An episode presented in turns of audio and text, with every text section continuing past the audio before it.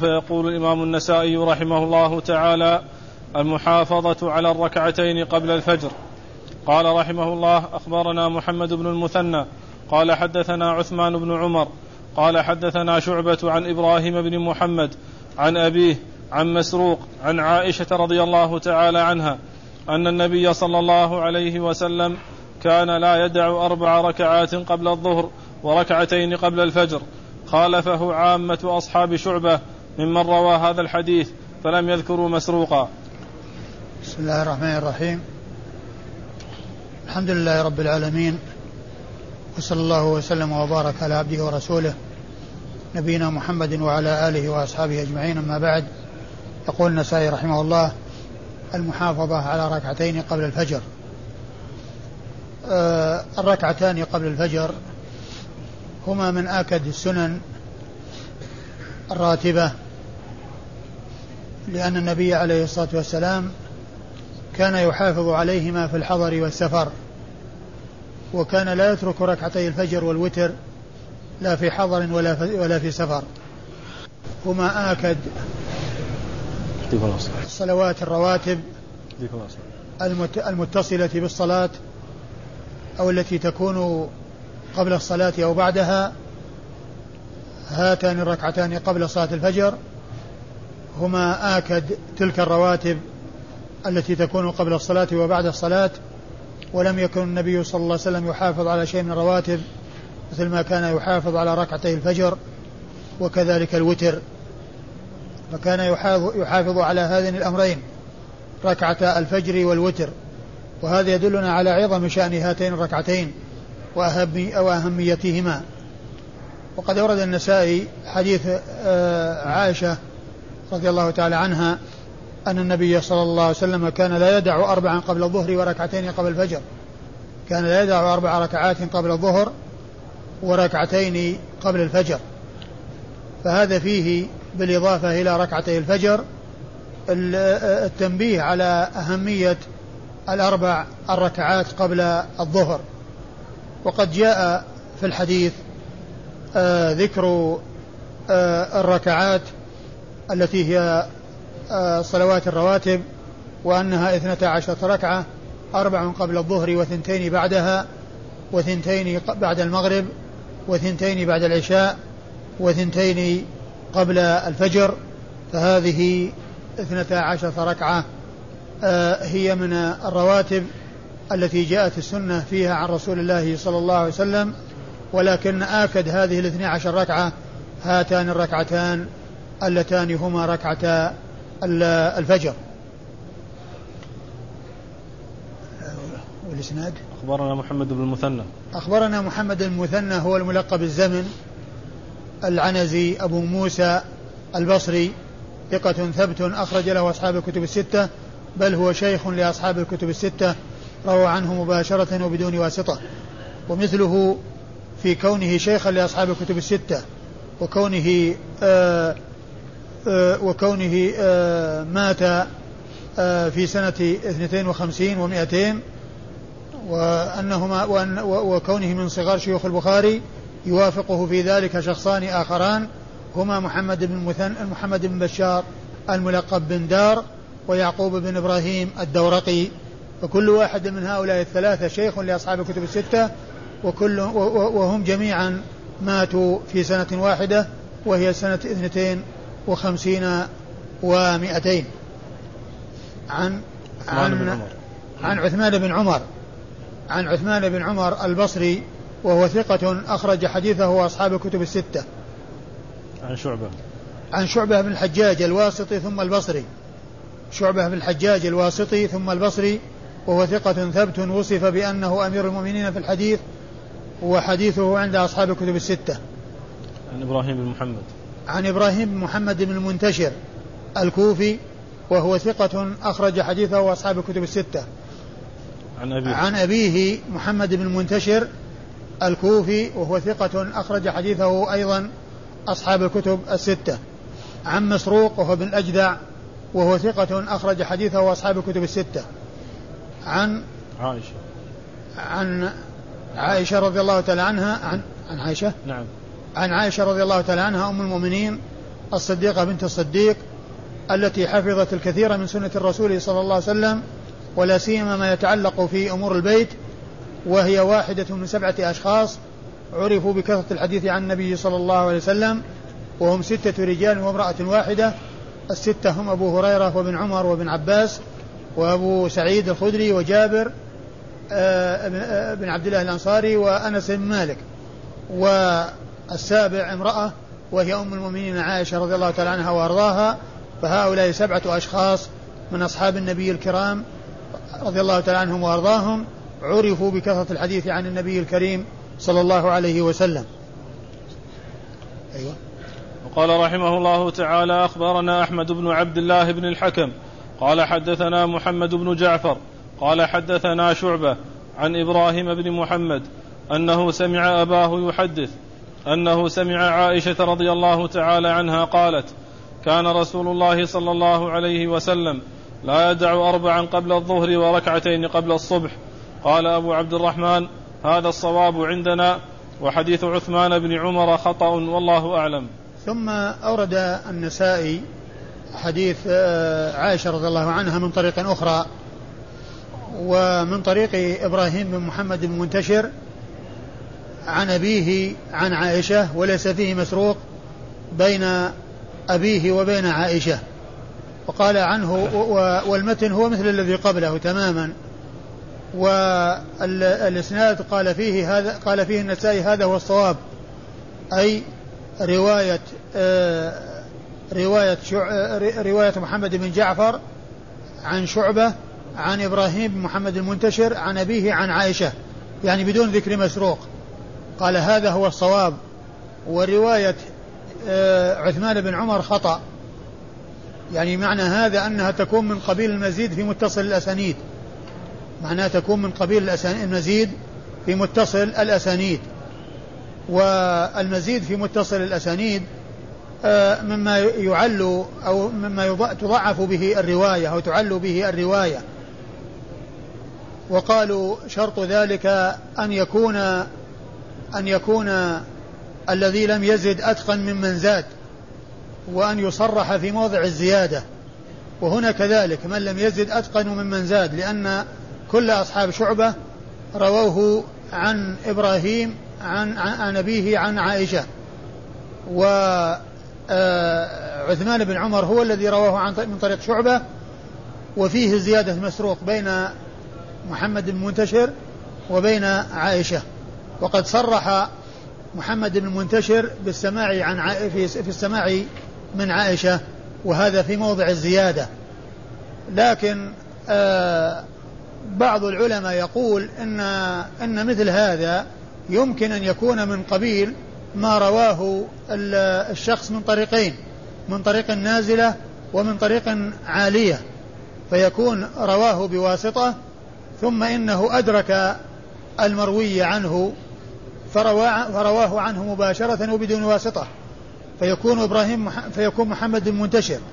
رواه من طريق نازله يعني عن مسروق عن عائشة ثم ظفر به عاليا حيث لقي عائشة وسمع منها هذا الحديث.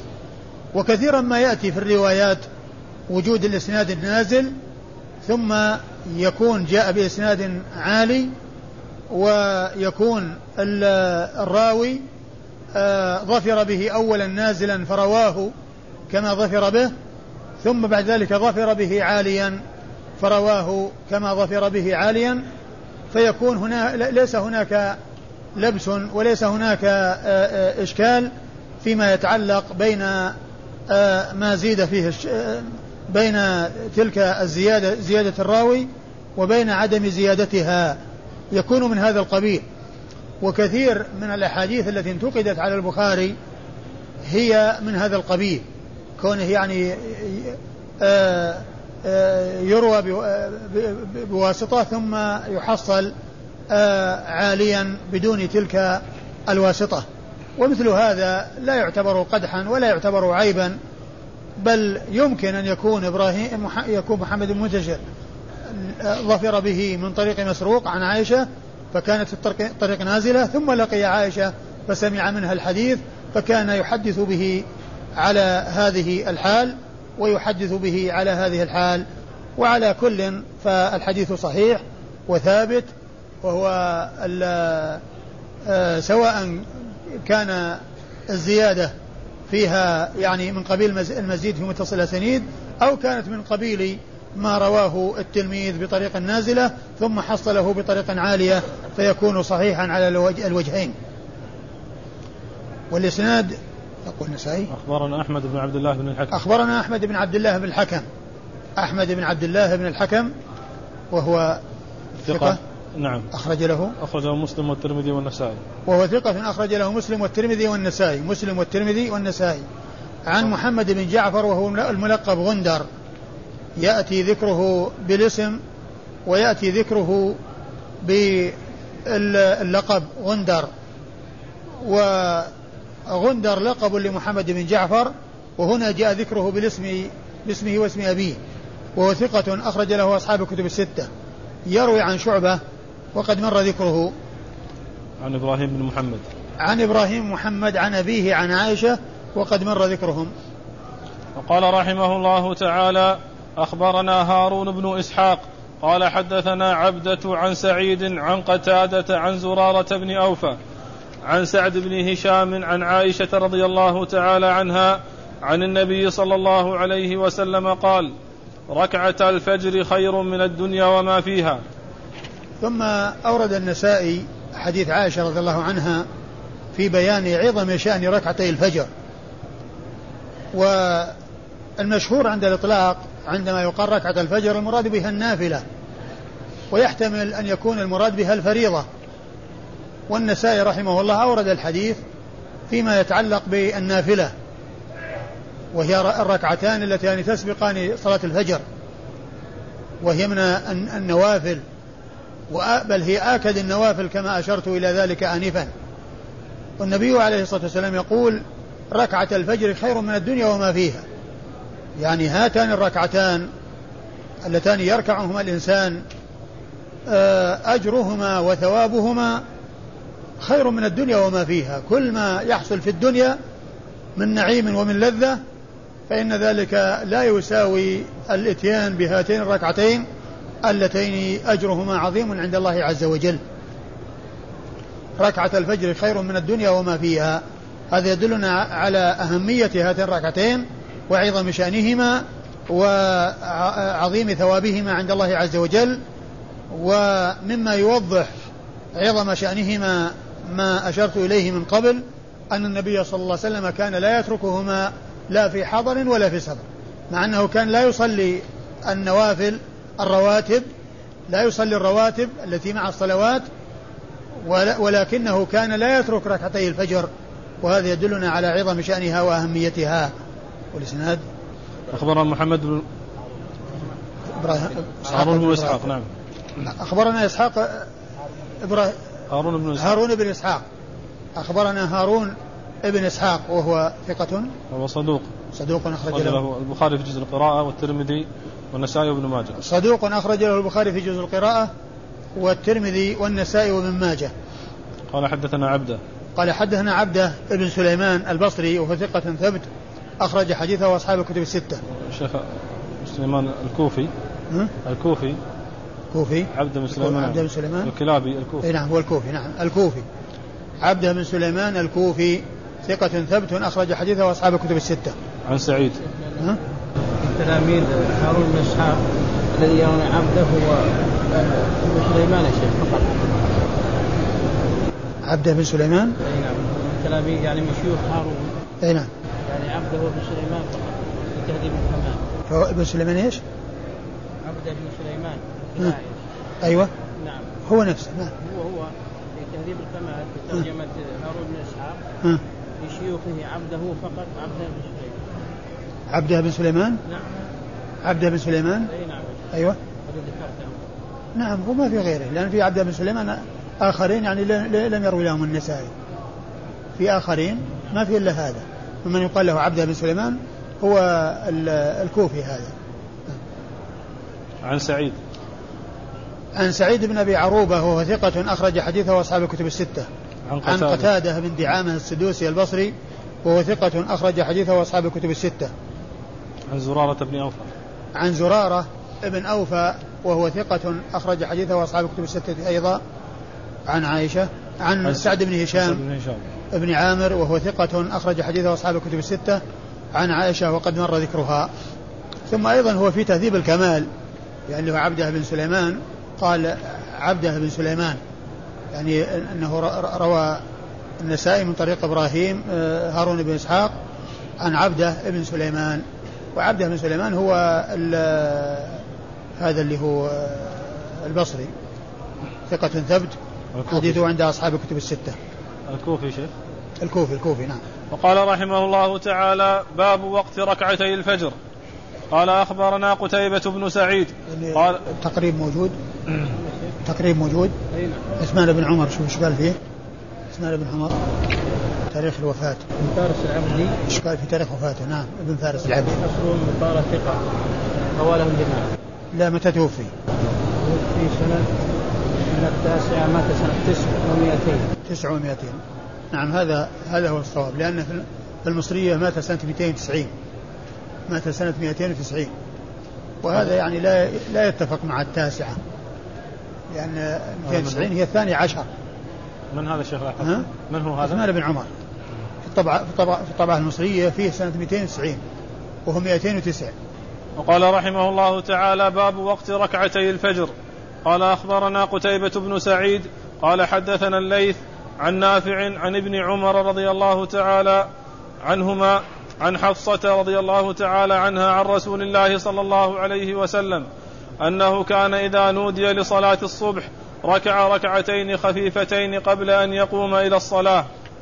ثم ذكر النسائي وقت ركعتي الفجر وأنه بين الأذان والإقامة يعني عندما يسمع الإنسان النداء فإن هذا هو وقتها يصلي ركعتين سواء في البيت أو في المسجد.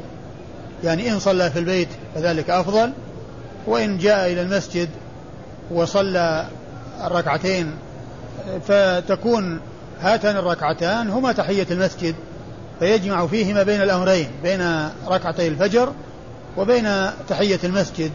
يعني آه، ركعتان للاثنين وليس تحية المسجد له ركعتان وسنة الفجر لها ركعتان وإنما هما ركعتان آه، آه، ينوي فيهما الاثنين كونه يعني أدى ركعتي الفجر وكونه يؤدي تحية المسجد.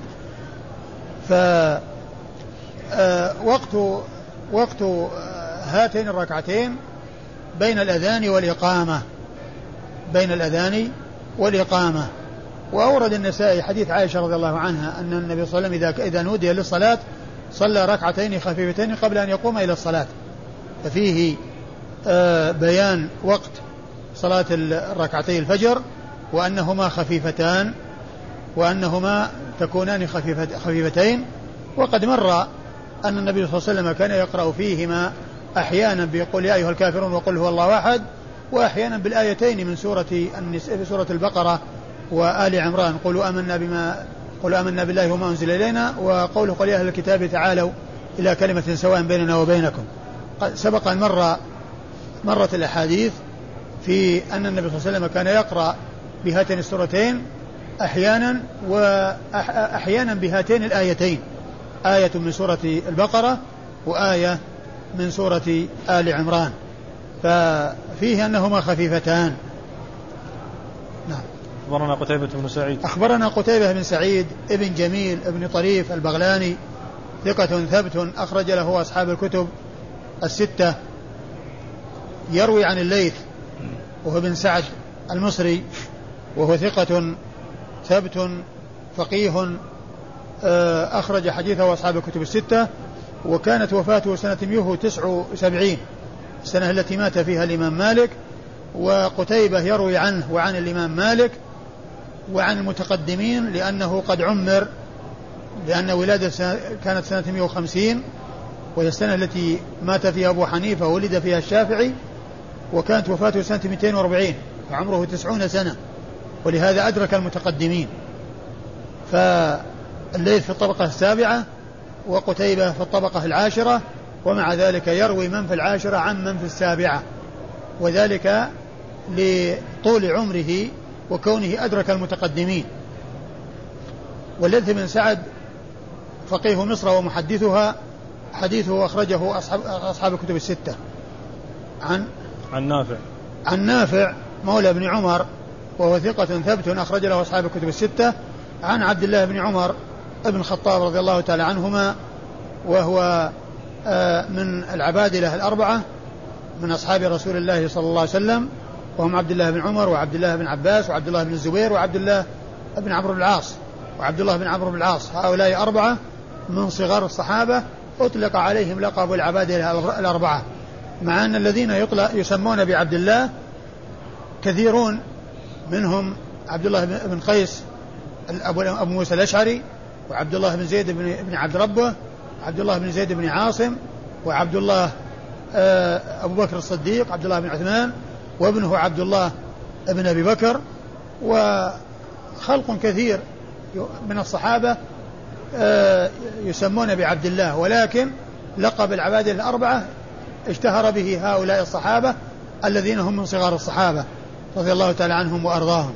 وأيضا هو أحد السبعة المعروفين بكثرة الحديث عن رسول الله عليه الصلاة والسلام والذين ذكرتهم آنفا عند ذكر أم المؤمنين عائشة رضي الله تعالى عنها وأرضاها. عن حفصة أم المؤمنين بنت عمر بن الخطاب رضي الله تعالى عنها وعن أبيها وعن الصحابة أجمعين وحديثها عند أصحاب الكتب الستة. وقال رحمه الله تعالى أخبرنا محمد بن منصور. قال حدثنا سفيان. قال حدثنا عمرو عن الزهري عن سالم عن ابن عمر رضي الله تعالى عنهما قال أخبرتني حفصة رضي الله تعالى عنها أن النبي صلى الله عليه وسلم كان إذا أضاء له الفجر صلى ركعتين. ثم أورد النسائي هذا الحديث حديث عائشة من طريق أخرى أن النبي صلى الله عليه وسلم كان إذا أضاء له الفجر صلى ركعتين. إذا أضاء له الفجر صلى ركعتين يعني معناه بعد طلوع الفجر. بعد طلوع الفجر الذي هو آآ آه، آآ آه، تحل معه الصلاة ويحرم معه الأكل بالنسبة للصائم. الفجر الثاني إذا طلع ونودي للصلاة فإنه آآ الذي يحل معه تحل معه صلاة الفجر ويحرم معه الأكل والشرب في حق من يريد أن يصوم لأن بدأ الصيام بطلوع الفجر ودخول الصلاة بطلوع الفجر. فهذا فيه أن الإنسان لو صلى بعد قبل الأذان وبعد دخول الصبح وبعد تحقق ذلك فإن فإن الركعتين وقعت موقعها. لكن كون الإنسان يعني يصلي بعد الأذان لأنه به التحقق من طلوع الفجر هذا هو الذي ينبغي. يعني عندما يسمع الإنسان النداء ويسمع الأذان كما جاء في الحديث السابق إذا نودي لصلاة الصبح صلى ركعتين خفيفتين. فلو أنه صلاهما بعد طلوع الفجر وبعد تحقق طلوع الفجر وكون الأذان تأخر فإن فإنهما وقعتا موقعهما. والإسناد؟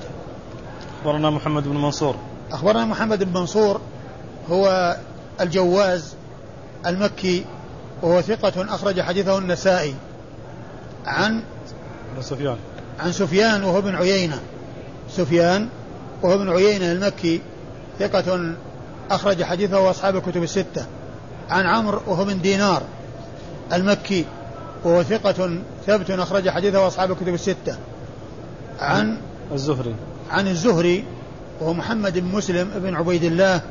محمد بن مسلم ابن عبيد الله ابن عبد الله بن شهاب ابن عبد الله بن الحارث بن زهرة بن كلاب وهو ثقة أخرج حديثه أصحاب الكتب الستة. وسفيان بن عيينة يروي عنه مباشرة وبواسطة وكثيرا ما يروي عنه مباشرة وبدون واسطة وأحيانا يروي عنه بواسطة كما في هذا الحديث الذي معنا فإنه يرويه عن الزهري بواسطة بواسطة عمرو بن دينار مع أنه معروف بكثرة الرواية عنه. وهذا وهذا كما آه كما هو معلوم آه يكون آه الشخص يعني يروي عن شيخه مباشرة ويروي عنه آه بواسطة. يعني بمعنى أنه يكون حصل الحديث عنه بواسطة وقد يحصله بطريق عالية فيرويه على الوجهين وقد لا يحصله إلا بطريق نازلة. عن الزهري. وحديث والزهري كما قلت آه، آه، ثقة أخرج حديثه أصحاب الكتب الستة. عن سالم.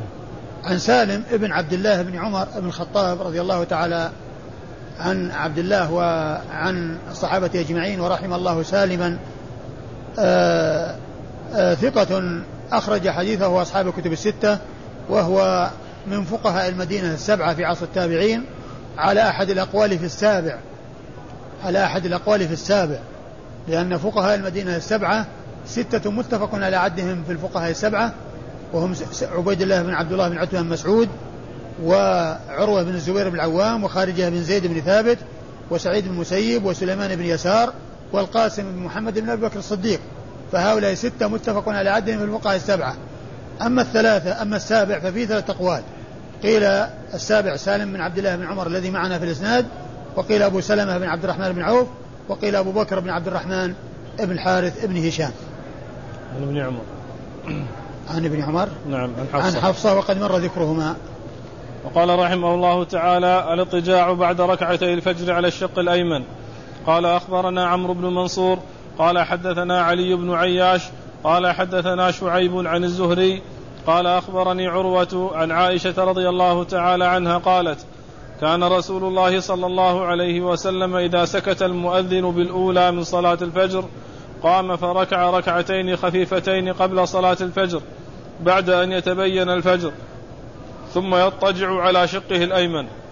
ثم أورد النسائي الاضطجاع بعد ركعتي الفجر على الشق الأيمن. وأورد فيه حديث عائشة. حديث عائشة.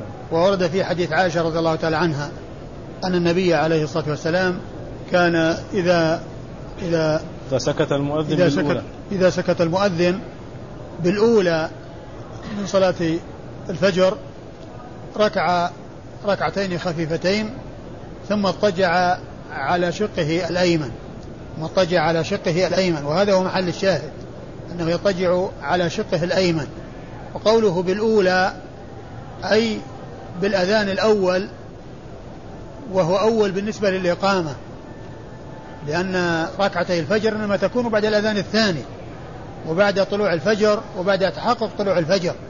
قوله بالأولى أي نودي بالأولى أي بال آه، يعني آه، بالنداء الأول الذي هو أول بالنسبة للإقامة.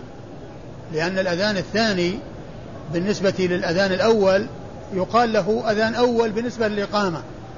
يقال له أذان أول بالنسبة للإقامة. وقد قال النبي صلى الله عليه وسلم بين كل أذانين صلاة. والمقصود بالأذانين الأذان والإقامة. الأذان الثاني والإقامة. هذا هو المقصود بقوله بين كل أذانين صلاة. والإقامة يقال لها أذان. وقد جاء ذلك في حديث زيد بن ثابت أو زيد بن أرقم الذي قال تسحرنا مع رسول الله مع رسول الله صلى الله عليه وسلم ثم قام إلى الصلاة. قال قيل كم كان بين الأذان والسحور؟ قال قدر خمسين آية. كم كان بين الأذان؟ اللي هو الإقامة. والسحور الذي هو آه انتهاء السحور الذي يكون عند الأذان. الذي يكون عند الأذان أذان الثاني اللي عنده طلوع الفجر الثاني يكون عنده الامتناع عن الأكل فبين الأذان والإقامة قدر خمسين آية. قال قلت كم كان بين الأذان والسحور؟ قال قدر خمسين آية.